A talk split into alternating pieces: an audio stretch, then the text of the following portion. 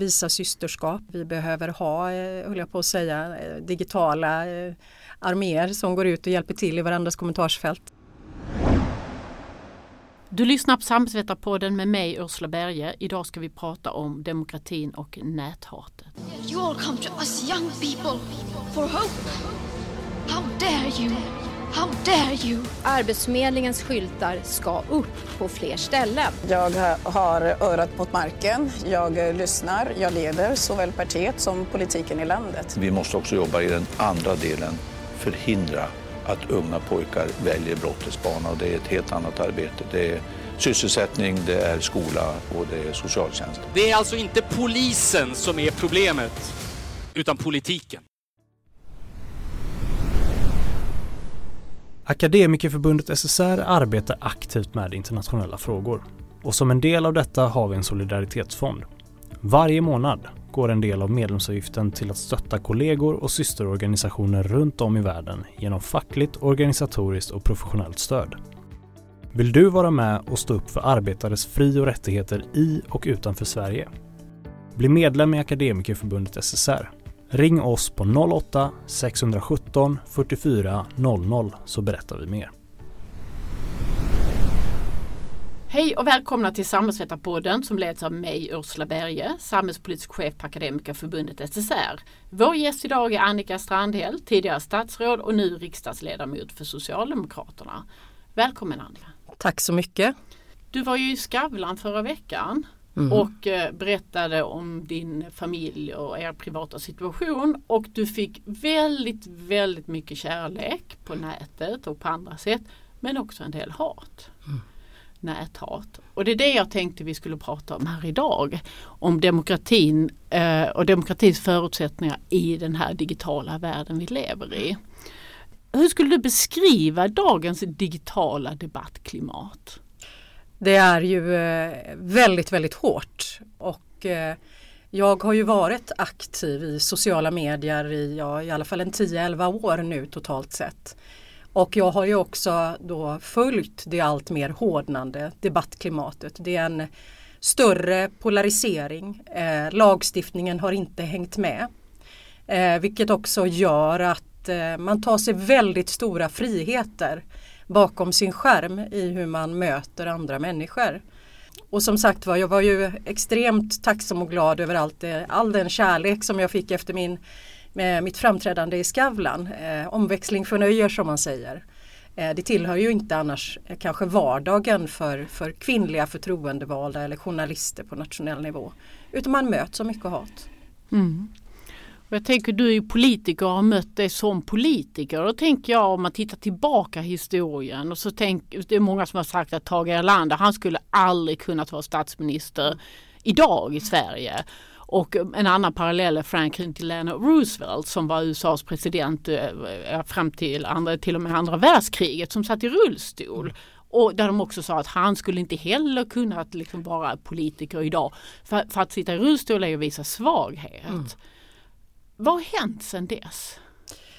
Ja, jag tycker det, de exempel som du tar upp de är ju väldigt talande. Eh, de ligger ju långt tillbaks i tiden. Jag skulle vilja säga att vi, det räcker att gå så, så långt tillbaka som 10-15 år för att se att det var ett helt annat klimat när man var politiker till exempel. Det ställs ju väldigt, väldigt höga krav på, på politiker idag när det gäller tillgänglighet, när det gäller närvaro. Eh, vi brukar skämta om det ibland i, i regeringskansliet att just om Tage Erlander till exempel skulle bedriva en valrörelse, ja då bestämde man att man skulle ha två presskonferenser under den valrörelsen. Eh, så ser det ju inte riktigt ut idag utan går man in i en valrörelse så förväntas man ju vara tillgänglig för allsköns olika medier eh, dagligen och stundligen. Eh, men också då de sociala medierna och att finna, eh, finna en närvaro i det. Och därmed inte sagt skulle jag vilja säga att det är någonting som är eh, negativt utan det är klart att också en tillgänglighet till folkvalda och politiker och de förutsättningarna som egentligen finns i digitaliseringen med att just kommunicera med varandra på ett naturligt och enkelt sätt. Det är ju något utav det som jag själv såg som charmen när jag valde att bli väldigt aktiv i, i sociala medier för, för tio år sedan. Att det bjöd på så enormt stora demokratiska möjligheter. Eh, rätt använt och rätt utnyttjat.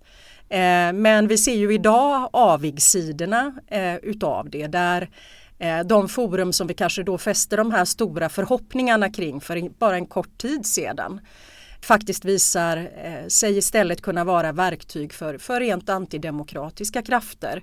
Eller för att just tysta starka röster, inte minst kvinnor. Eh, och det är någonting som bekymrar mig väldigt mycket för vi vet också att de sociala medierna för den gemene medborgaren och för eh, den gemene vanlige väljaren är ju allt mer viktigt. Både för att eh, hämta nyheter ifrån men att också bilda sig eh, sin uppfattning i olika frågor. Eh, och där har vi ju sett ganska skarpa avarter både i eh, Brexitvalet egentligen och i, i valet i USA eh, där val, valen egentligen kidnappas av eh, starka krafter och varken de som äger plattformarna eller lagstiftningen har hängt med. Mm. Jo, du tar upp det både som är, skulle kunna vara sociala medier och överhuvudtaget digitalisering som en styrka för demokratin. Mm. Eh, och samtidigt med näthatet, alltså de hot man, man, kan se. Så tänkte jag ta ett exempel. En, en, politiskt väldigt tongivande man sa till mig en gång när jag frågade vad är det värsta du har blivit kallad? Jag, jag tänker inte säga vem det är men vad är det värsta du har blivit kallad? Då sa han, ja jag har blivit kallad och som svordom och så tomte. Att man är, man är en tomte. Och så tänker jag samtidigt en kvinna får höra allt mm. möjligt. Det är sexualiserat, mm. det är våld, det är utseende, det är hat mm. och hot och in, man är inkompetent. Men han som var så, han var partiledare dessutom. Mm. Han som var så tongivande fick aldrig höra något värre än att han var en tomte. Nej. vad är detta exempel? Vad, vad, vad är detta tecken på?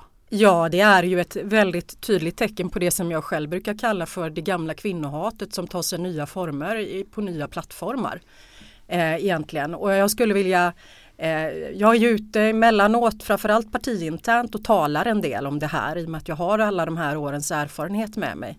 Jag brukar beskriva den perfekta giftcocktailen ungefär. Eh, och då, då, är man ju en kvinna.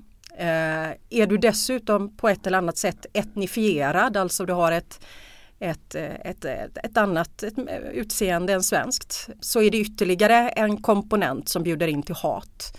Är du dessutom eh, vänsterorienterad och det finns ju studier på det här i dina åsikter så är det ytterligare en komponent att du uttrycker det då väldigt tydligt och klart och, och har starka åsikter.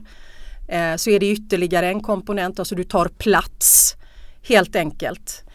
Så, så kan man ju se att när man uppfyller de här kriterierna eh, och du uttrycker dig politiskt så är det oerhört lätt att du, du då drabbas av det här näthatet. Det gjordes ju en studie efter förra valet som, som jag har tittat på där, där man just tittade på hur stor andel av unga kvinnor eh, som hade använt nätet som en plattform inför valet för att uttrycka politiska åsikter hade valt att dämpa sig och det var 50 procent av de kvinnorna som svarade i den undersökningen. För att just att uttryckte man då också politiska åsikter så drabbades man ännu tuffare eh, av det här eh, näthatet.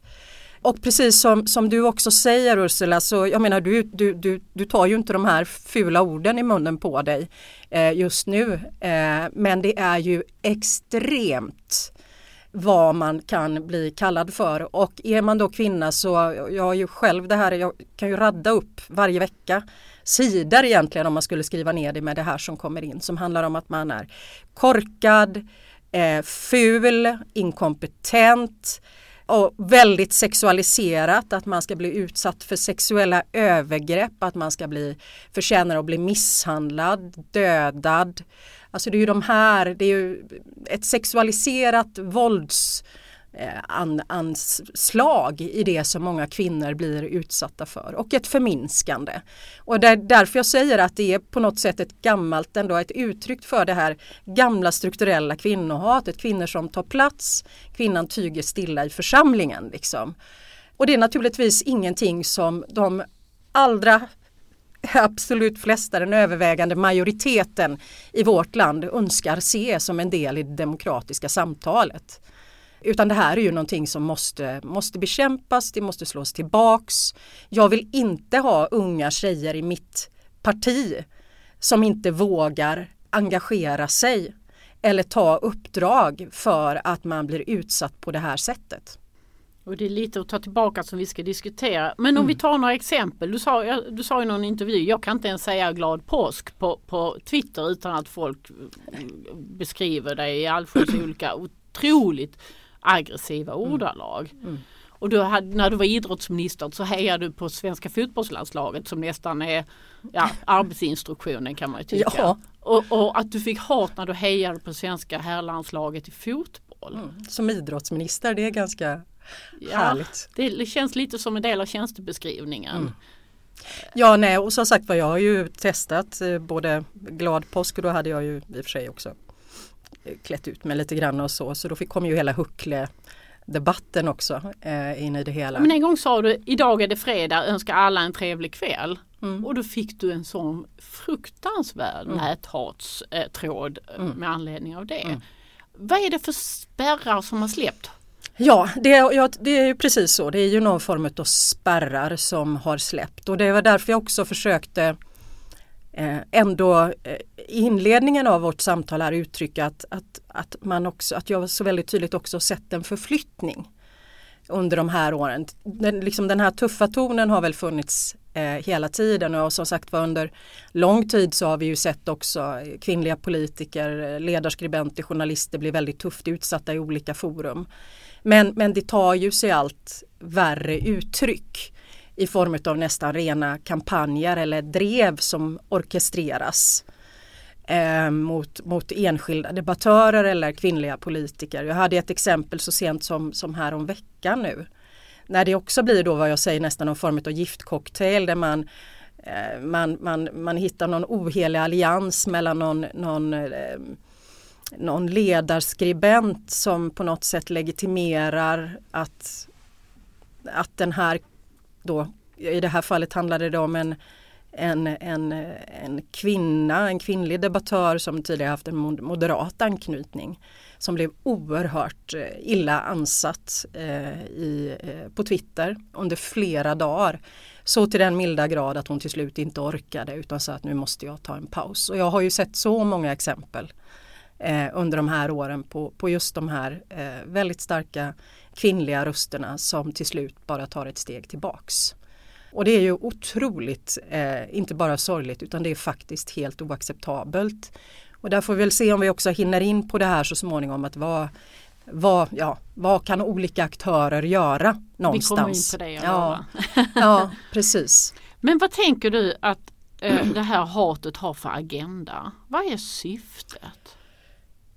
Ja, och då, då ska man ju själv försöka att inte bli eh, eh konspirationsteoretisk på något sätt. Va? För det, det, jag tror så här, jag tror att det finns, det finns både mer organiserade röster eh, för att, att tysta Eh, Eh, den typen av personligheter som jag försökte beskriva genom att bara göra en liksom, översiktlig beskrivning. Hur, hur ser de ut som oftast blir drabbas, drabbade av det här? Jag tror att det finns en, eller tror jag vet att det finns en mer organiserad del. Men sen så har du också de här eh, vanliga vardagsrums näthatkrigarna som sitter bakom sin, sin dator och inte har så mycket annat för sig på kvällarna som också ser det här som en plattform att uttrycka hat, hot, som kanske känner en, en frustration emot samhället av olika skäl. Och i viss, viss mån kanske också en rättmätig kritik mot samhället, man upplever att man har blivit sviken etc. Och ser det här som ett forum som inte då är reglerat. Där det har varit fritt och möjligt att kunna säga och göra nästan vad som helst och där man också blir bekräftad i de här dreven. Så jag skulle säga att det finns flera olika delar i det och där måste ju också de naturligtvis politiska partierna vara, eh, och då menar jag de mer etablerade politiska partierna, vara också självkritiska kring hur man har bidragit till möjligtvis att polarisera samtalet. För det, det finns ju också som en komponent i detta. Eh, och som då bidrar till att legitimera det här. Klart inte till den grad som vi ser men, men det blir på något sätt en, en helhet i det. Och vi ser ju det i Sverige men vi ser ju också den här polariseringen, polariseringen i politiken över världen. Ärligt talat.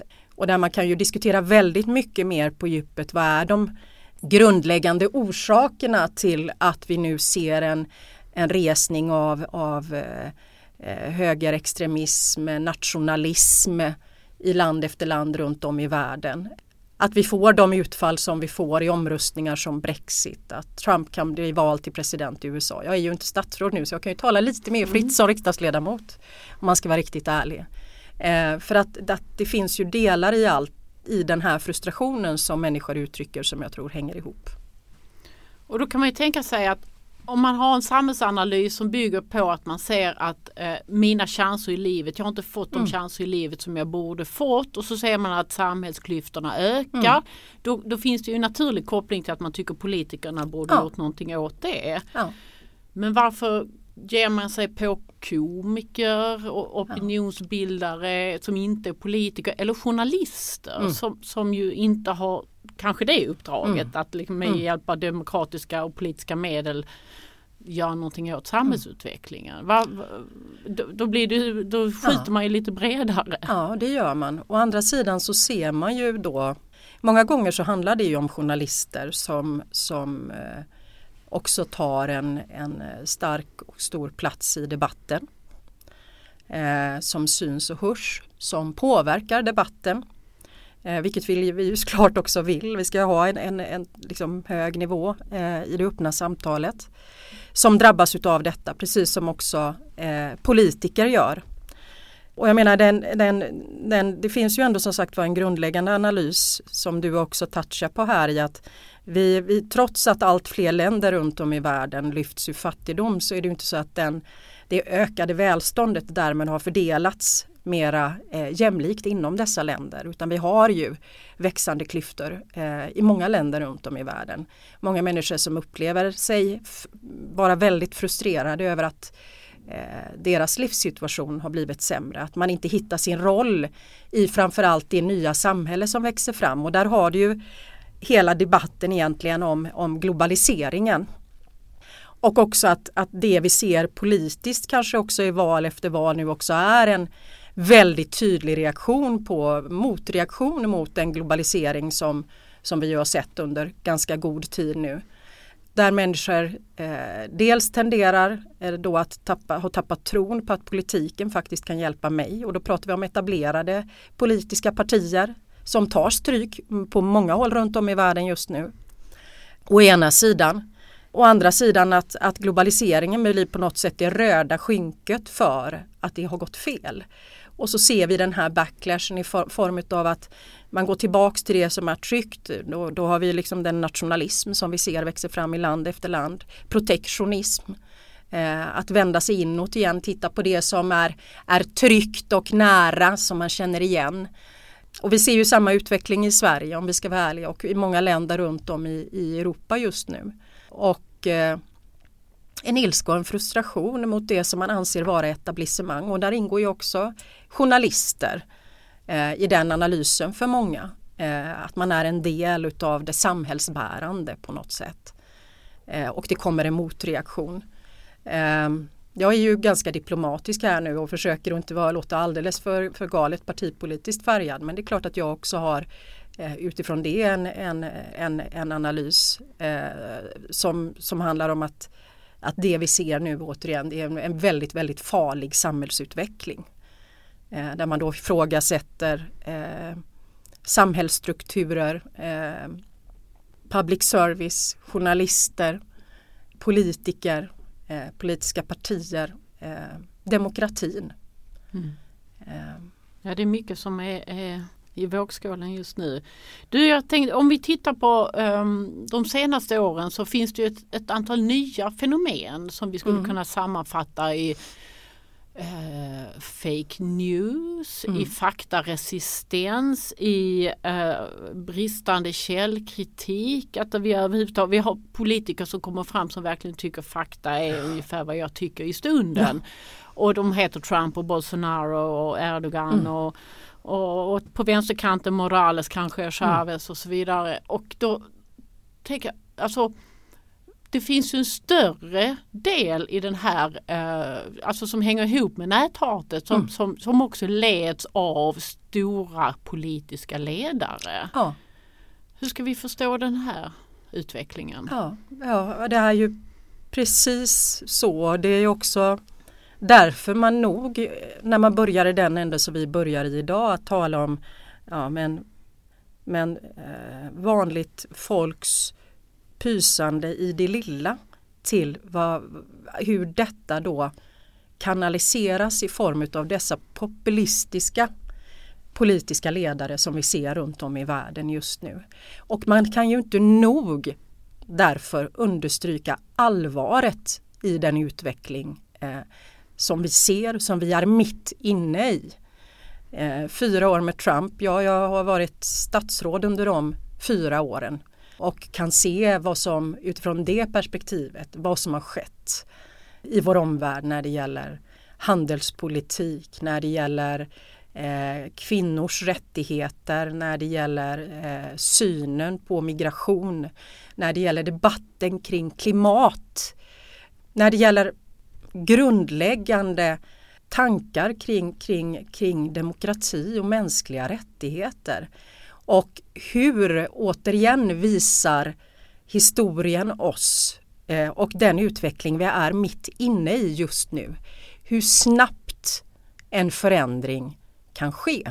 Och eh, hur ska man då, hur ska man då titta på detta och eh, hur, hur kan man nog också inskärpa eh, allvaret i, i, i vårt land, i de politiska krafter vi har i vårt land, i våra samhällsinstitutioner. Att det är inte business as usual eller att vi kommer snart att landa ner i någonting som är eh, vanligt och normalt som vi känner igen.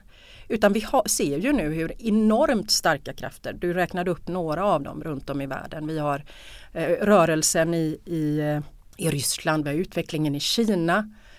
Det, det är verkligen eh, en otroligt allvarlig utveckling som vi ser. Mm. Och man får lite intrycket av att allt fler ropar efter väldigt enkla förklaringar Mm. till hur man ska förstå samhällsutvecklingen. Och, och ibland kan jag slås av det där att när någon forskare säger ju någonting om temperaturökningarna globalt som går att mäta fram. Ja, tycker du? Ja, exakt. Ja. Som att det spelar ingen roll vad som är, alltså fakta är bara eh, i vissa människors ögon eh, en uppfattning. Mm. Ja, nej, jag tycker något annat. Jag tycker inte att eh, världen blir varmare. Och sen så är det fullständigt gångbar hållning att ha Ja. som den inte var för fem, tio år sedan bara. Nej, det räcker att gå fem år tillbaks i tiden, åtminstone i vårt land. Eh, för att vi, vi ser ju precis samma utveckling här. Att, eh, att det är mer den som Eh, skriker högst och kommer med de enkla lösningarna som ju också tyvärr drar väljare i många länder just nu. Eh, där man då inte tror på, jag menar, vi, är man insatt i, i politik eh, så vet man ju att många gånger så ting tar tid. Förändring tar tid. Man behöver visionära men man behöver också seriösa politiker som målar ut en vision av var man ska någonstans och sen tar man sig dit. Det går inte över en natt. Men här, här pratar vi om politiker som nu tar tonen och säger, och vi känner ju också igen det historiskt, ja, ni gillar inte den här utvecklingen. Ja, problemet är mexikanerna till exempel i USA. Eller bara vi bygger en mur för att och, och liksom ta det, det är enkelt. Eller vi struntar i att tro på klimatförändringarna för vi måste ju ändå eh, underhålla vår kolindustri.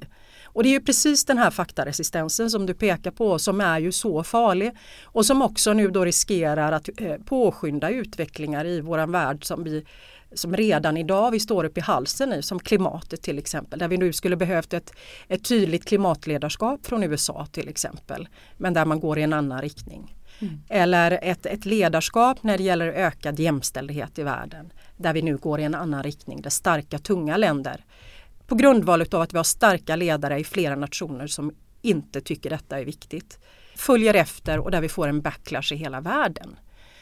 Så seriositeten går ju liksom inte nog att, att understryka i det här eh, och att vi är inne i ett skeende som, som är djupt bekymmersamt. Och där jag, jag har ju, där inte minst också eh, medier har en, och journalister har en otroligt viktig roll att spela.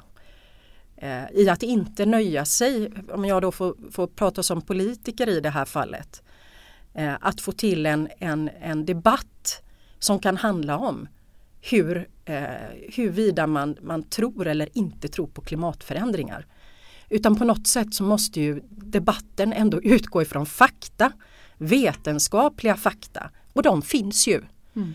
Eh, eller för den delen när jag såg en debatt här om veckan i, i, på bästa sändningstid. Och där var jag också öppen med att jag var kritisk på bästa sändningstid när partiledaren för ett av våra största eh, partier kan stå i nationell tv och, och säga att hela Sverige är ett utsatt område.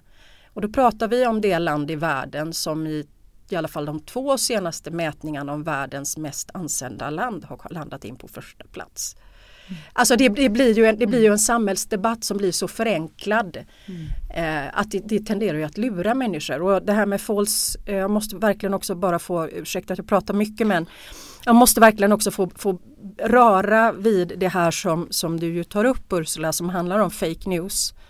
Eh, som ju är en del i den här utvecklingen. Det är ju inte bara det att, att det finns en faktaresistens i debatten utan de facto också sprids ju rent, rent fejkade nyheter som människor tar till sig som inte alls då bygger på någon, någon saklighet utan rena lögner.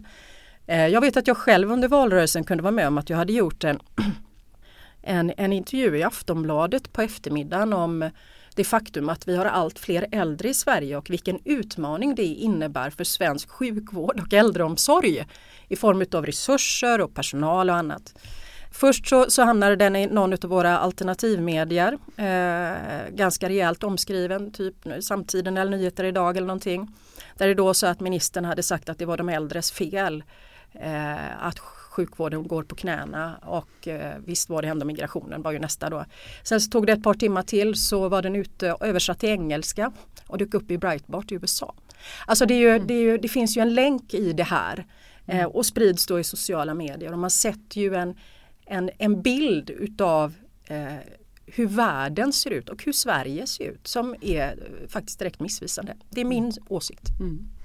Och, och, för att ta några andra exempel, alltså vi har ju en, en problematik med stort, stort problem i samhället med gängkriminalitet och så vidare. Samtidigt så säger ju kriminologerna och forskningen entydigt att kriminaliteten minskar ju i samhället. Också det våldsamma eh, mm. eh, våldet i samhället men, men vi har just ett specifikt problem med gängkriminaliteten. Mm. Och att säga det som ett otvetydigt faktum som bara går att räkna fram hur kriminaliteten mm. utvecklas det är också eh, utrymme för att nej det är inte sant när, när forskarna är, liksom kan räkna. Och samma mässlingvaccin, ja. jättetydligt exempel på att det finns ingen som helst forskning som stödjer att mässlingvaccin skulle leda till autism. Nej. Och ändå så, och, det fanns en forskningsstudie som drogs tillbaka i, i eh, som insinuerade det. Allting annat talar för att det finns inga som helst Nej. robusta forskningsbevis på att det skulle finnas en koppling. Och ändå finns det en ohyggligt stor rörelse för att mässlingvaccin, eh, man ska inte vaccinera sig mot mässling för det ja. kan leda till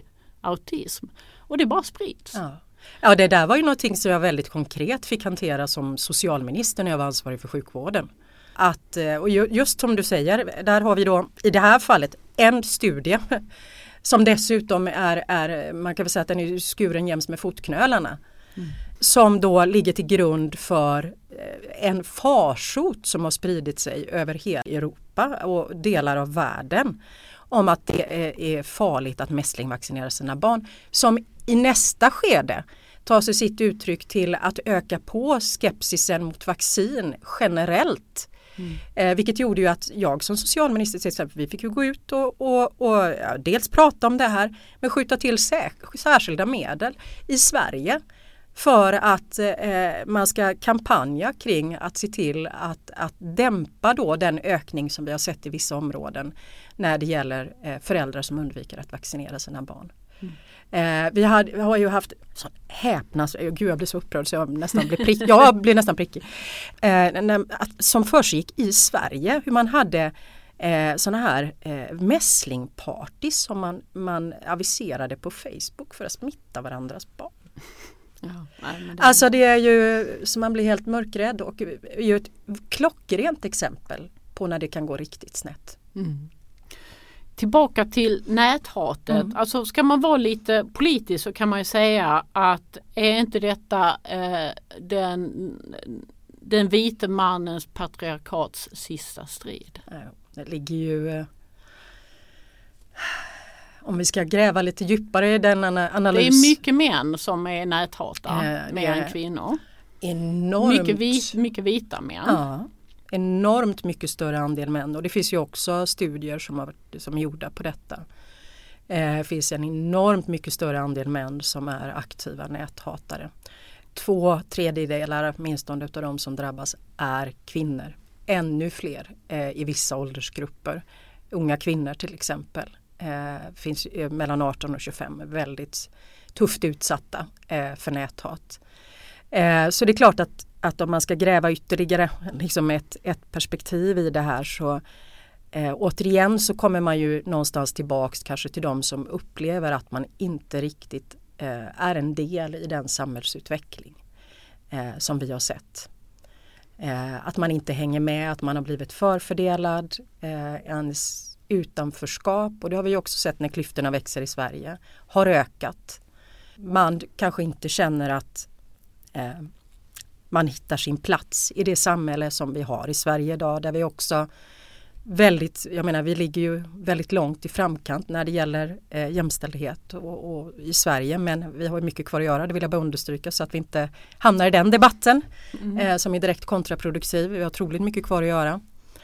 Eh, men vi har trots allt ett, ett land där kvinnor har tagit tydliga steg framåt både in på arbetsmarknaden utifrån hemmen och när det gäller ekonomisk jämlikhet mellan män och kvinnor i högre utsträckning. Och där det finns grupper som upplever sig vara förlorare. Och det man ser är ju den, den, den motreaktionen dels att, att man då använder de plattformar som finns för att uttrycka sin frustration och sitt hat. Vi har ju den här incelrörelsen till exempel som består av, av män som inte får tillgång till sex eh, och är jättearga på kvinnor för det. Eh, den finns i Sverige, den finns över stora delar av världen nu. Ja det förklarar ju en hel del av det, allt det här sexualiserade språket och det som Mm. handlar om kvinnors utseende och som Ja och som vi också ser även historiskt om man ska vara riktigt ärlig om man går tillbaks i historien så eh, mäns fokus på kvinnors klädsel och utseende det har väl alltid varit stort. Och det är ju stort också i denna tid, all den tid som vi diskuterar på huruvida kvinnor ska ha den typen av kläder på sig eller den typen av kläder på sig. Mm. Jag hade tänkt frågor till, äh, ställa frågor till dig som, som handlar om vad händer med den som utsätts och vad händer med, med andra som ser till exempel att du blir så utsatt. Har du någon gång tänkt så här ah, jag struntar i Twitter, jag orkar inte, jag bara lägger ner. Eller har, Nej, Nej det, det har jag inte riktigt gjort. Det är klart att det har varit, eh, jag har ju haft strategier eh, också för att hantera det här och då vill jag också understryka att min egen syn på, på min roll i sociala medier är ju att jag har varit ändå ganska privilegierad. Så tillvida att jag dels då har haft en, en roll både som statsråd och tidigare fackförbundsordförande som eh, har inneburit att jag har en, liksom en position ändå som i viss mån vaccinerar. Jag har folk runt omkring mig som kan vara inne och läsa, ibland hjälpa till med mina sociala medier. Människor att prata med i partikansli och i stab och så vidare. Menas, och dessutom så har jag ju den roll som jag har också som politiker. Och det är min, min egen, mitt eget val, en, en möjlighet att ta en aktiv liksom, eh, roll utifrån den plattform jag har i samhällsdebatten. Jag är inte beredd att, att lämna det. Det är viktigt för mig. Det är nästan ett ansvar jag har tycker jag. hur, hur viktigt är det att du ska eh, få andra, till exempel unga tjejer, att våga tycka och tänka och säga vad de tycker? Hur, hur mycket är du en ambassadör för dem i att du står kvar? Ja, det är jätteviktigt för mig. Eh, måste jag vara ärlig och säga. Och det är en av de saker som verkligen bekymrar mig. Det är därför jag säger att jag är privilegierad. Eh, jämfört med eh, den unga eh, SSU-tjejen eller tjejen från Luff eller någonting annat som jag mötte i valrörelsen. Som är 18, 19, 20 år. Som har ett samhällsengagemang. Som vill använda sin plattform i sociala medier inför valrörelsen för att, att göra sin röst hörd och som blir oerhört ansatt Eh, och som inte har någon stab eller någon som kan läsa eller hjälpa till att sortera utan då kanske istället hamnar i en situation där hon väljer att tystna. Och att då eh, den rollen jag har i att både stå kvar, eh, att ta debatten, att prata om det här, att synliggöra det som sker på nätet är ju, är ju en viktig roll för mig att ta. Mm. Mm. Men man måste vara väldigt stark. Alltså jag tänker ibland så här när det drar i min, min, mina trådar. Så tänker jag bara så här, ah, jag läser inte det. Jag struntar i det. Mm. Eller jag, jag svarar i alla fall inte för de ska inte få luft av. Nej. För det är ju att ja. svara som de får luft Exakt av. så. Så tänker jag, alltså om vi går in på vad, vad man själv kan ha för strategier. Och mm. Du har beskrivit lite av dina strategier som, som tidigare statsråd och så vidare. Med, med de, du har mm. resurser mm. runt omkring dig sa du. Michelle Obama sa en gång, gång When they go low we go oh, high. Ja. Funkar det? Inte alltid. Nej. Men jag, alltså, i grund och botten håller jag, eh, eh, håller jag ju med eh, om det. Det är klart att man, inte, man ska ju absolut inte sänka sig till den nivå som, som de här människorna eh, befinner sig på. Eh, ska inte heller gå in och, och, man ska vara noga med vem man går in och svarar. Men som jag, som jag också skulle vilja säga så finns det ju också eh, de betydligt mera etablerade triggers, triggerpersonerna för de här dreven som, som, som finns på Twitter. Eller som, och de ska man ju gärna gå in och ta debatten i sak med mm. i olika frågor. Eh, oavsett då om det för min del, som det ofta gör, handlar om, om eh, eh, eh, Sverigedemokrater eller högerextremister och ifrågasätta det som, som, som lyfts fram som en sanning. Som när Hanif Bali går ut och säger att kvinnor inte vill ha sex i lika hög grad som män. Eh, och att kvinnor bara vill ha sex för att bli försörjda. Men det är mm. klart att då det är klart att jag utifrån mitt engagemang och, och det som jag tycker är viktigt går in och tar den debatten. Mm. Det blir ju ett drev i, i, liksom, i kölvattnet av det men eh, det kan ju vara värt. Då. Mm. Har du någon gång, handen på hjärtat, idkat självcensur? Har du någon gång tänkt en fredagkväll, nej jag orkar inte? Ja det har jag gjort. Det har jag absolut gjort.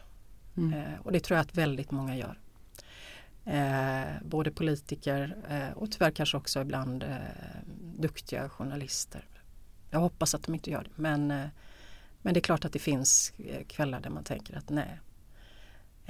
Eller om man då mot förmodan Eh, skulle gå in och, och börja läsa någon riktig eh, vidrig kommentarstråd så är det ju inte så roligt. En annan strategi du har haft är när eh, Annie Lööf skrev en eh, kommentar rörande det fruktansvärda terrordådet på Drottninggatan.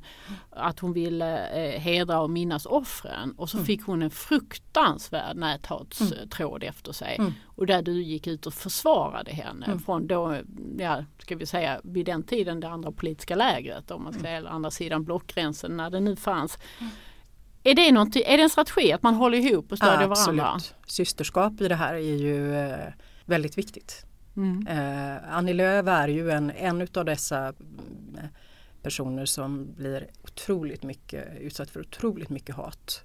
Hon uppfyller ju många av de här kriterierna i den här giftcocktailen och dessutom nu så samarbetar hon ju då över andra sidan blockgränsen vilket triggar jättemycket eh, den här högerextrema svansen mm. eh, som hon har blivit utsatt för. Så det skulle jag säga, flera viktiga strategier i det. Gå inte in och läs alla kommentarer. Borsta av det, gå inte och bemöt inte de här Svara värsta trollen. Mm. Ja, blockera eh, när det går över gränsen, anmäl. Men också eh, visa systerskap. Eh, vi behöver ha, eh, höll jag på att säga, digitala arméer som går ut och hjälper till i varandras kommentarsfält mm. emellanåt. Och sådana har du också? Ja, ibland har jag det. Vita faktiskt. riddare, ja, kvinnor som där. hjälper till. Ja, absolut, och en och annan man som bara mm. kollar upp armarna och, och, och, finns där. Och det betyder ju faktiskt väldigt, väldigt mycket mm. eh, att, de, att de finns där.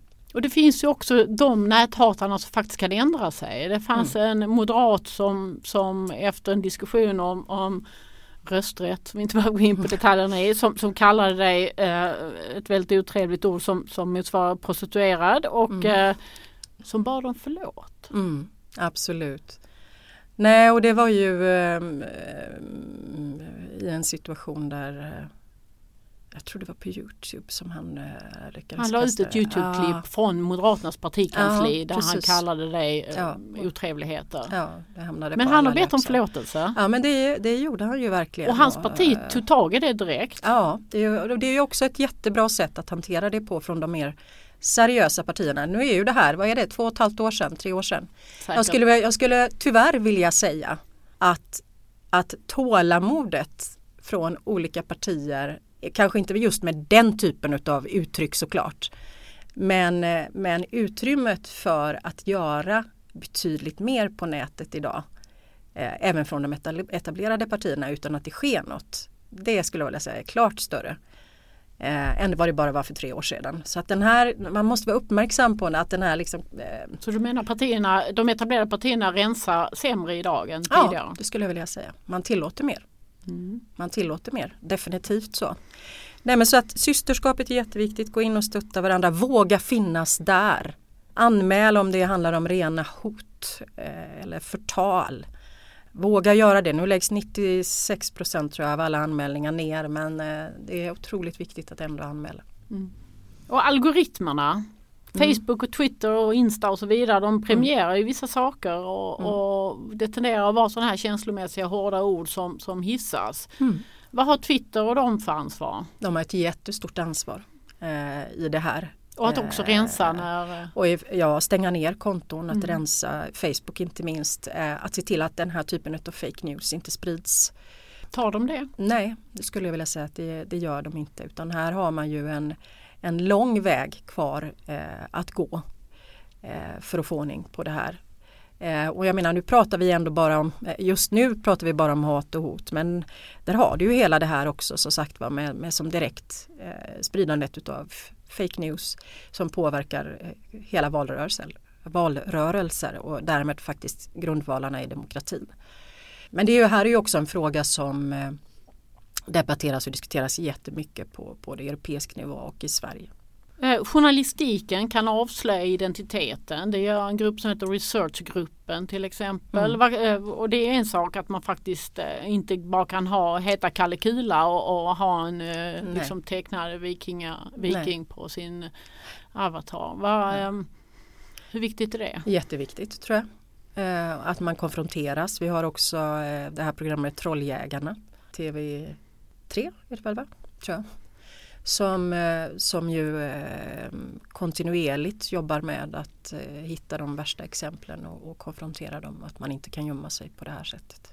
Expo finns ju också. Ja, definitivt. Ja, men du kommer från den politiska världen. Alltså det som är politiskt styrt. Alltså vad kan politiken göra? Allt från lagstiftning och domstolar och så vidare. Men politiken styr också över skolan. Mina ja. barn har haft temadag varenda år i hela mellanstadiet om hur man beter sig på nätet. Ja. Vi börjar vakna eh, tror jag men eh, det, det går långsamt. Eh, vi har ju gjort en del lagstiftningsskärpningar eh, under förra mandatperioden och det är väl mer på gång. Eh, och mer behöver vara på gång. Men som sagt var också både frågan om hur, hur man beter sig på nätet, hur man hanterar varandra. Eh, frågan om källkritik, eh, att inte bara tro på det som, som man ser på nätet utan verkligen efterforska. Eh, kan det här stämma? Så att det är klart att många olika aktörer kan göra väldigt mycket för att också eh, Eh, se till att vi får en mer anständig miljö på nätet. För till syvende och sist, jag måste ändå komma tillbaka till det här, du ställde frågan till mig om man ska lämna eller inte lämna och sådär. Jag har mycket stor respekt för de som blir utsatta för de här riktigt jobbiga dreven om man tar en paus. Jag hoppas bara man kommer tillbaks igen. För det är ju ändå så att eh, precis som jag är en eh, liksom ja, globaliseringen är på riktigt, den är här för att stanna, klimatförändringen är verklig. Eh, vi kommer också vara kvar på nätet. Eh, och använda olika typer av sociala medier. Eh, för den generation som nu växer upp så är det fullständigt självklart. Eh, vi behöver, jag är den största advokaten i mitt eget parti för att vi behöver också vara en digital folkrörelse. Eh, vi behöver finnas där, vi behöver möta människor där människor finns på gator och torg men också på nätet. Eh, vi behöver hjälpa till att städa upp det här, vi behöver liksom nyttja den här plattformen som det fantastiska verktyg den skulle kunna vara. För det är här för att stanna. Med fel och brister. Eh, och eh, med de möjligheter som finns i det här. Eh, så det är nog bara att eh, ja, eh, hjälpas åt. Vi är i ett läge just nu där lagstiftning och annat släpar efter, insikten släpar efter. Eh, vi behöver stötta varandra, våga finnas kvar, hitta det här systerskapet. Eh, ta debatten med de antidemokratiska krafter som, som växer också i Sverige, nationalister och andra. Och det här är en viktig, de är otroligt duktiga på att finnas på de här plattformarna. Och det behöver vi också göra. Är du genuint oroad för demokratins utveckling just nu? Ja, det är jag. Hur ska det här digitala ledarskapet se ut som verkligen värnar demokratin i, i morgondagens värld? Ja, vilken enkel fråga Ursula. Visst är det. Eh, nej men som sagt var, med insikten i att den förändring som världen är inne i just nu med digitaliseringen är en revolution som är eh, betydligt större än den industriella revolutionen var. Den är här eh, för att stanna och det måste vara en, en del av varje politisk strategi eller annan typ av strategi för att bygga ett samhälle framöver. Och eh, det är ju där någonstans också det politiska ledarskapet behöver finnas. Men också att stå kvar eh, och inte låta liksom, det slå blå dunster i ögonen på varandra utan att kräva fakta. Eh, att stå upp för det. Att stå upp för en schysst och ren, rena samtal även på nätet. Att få lagstiftning på plats. Att jobba med skolor och skolungdomar inte minst. För att det här ska bli, bli som sagt var en tillgång i framtiden. Men, men tills dess så får vi laga med de verktyg vi har eh, och inte tystna för Guds skull. Avslutningsvis, um, vad är ditt råd till en tonårstjej som känner att det är jobbigt att stå upp för sina åsikter? Sök stöd eh, hos eh, vuxna eh, i, i skolan, hos kamrater, kompisar. Påminn dig själv om att du har precis lika stor rätt som någon annan eh, att få finnas där och uttrycka dina åsikter och synpunkter anmäl om det är så att det är liksom riktigt klandervärda saker som kommer in eh, och ta upp det med skola och andra. Men, men tystna inte. Eh, och som sagt var, vi politiska partier måste verkligen också göra vår läxa i, i att förstå allvaret i det här och stötta de unga killar och tjejer eh, som vill engagera sig och använda de plattformar som är helt naturliga för dem för att göra det. Det ska man kunna göra också i politiken. Mm. Och vi står kvar. Tack mm. Annika. Tack så hemskt mycket Ursula.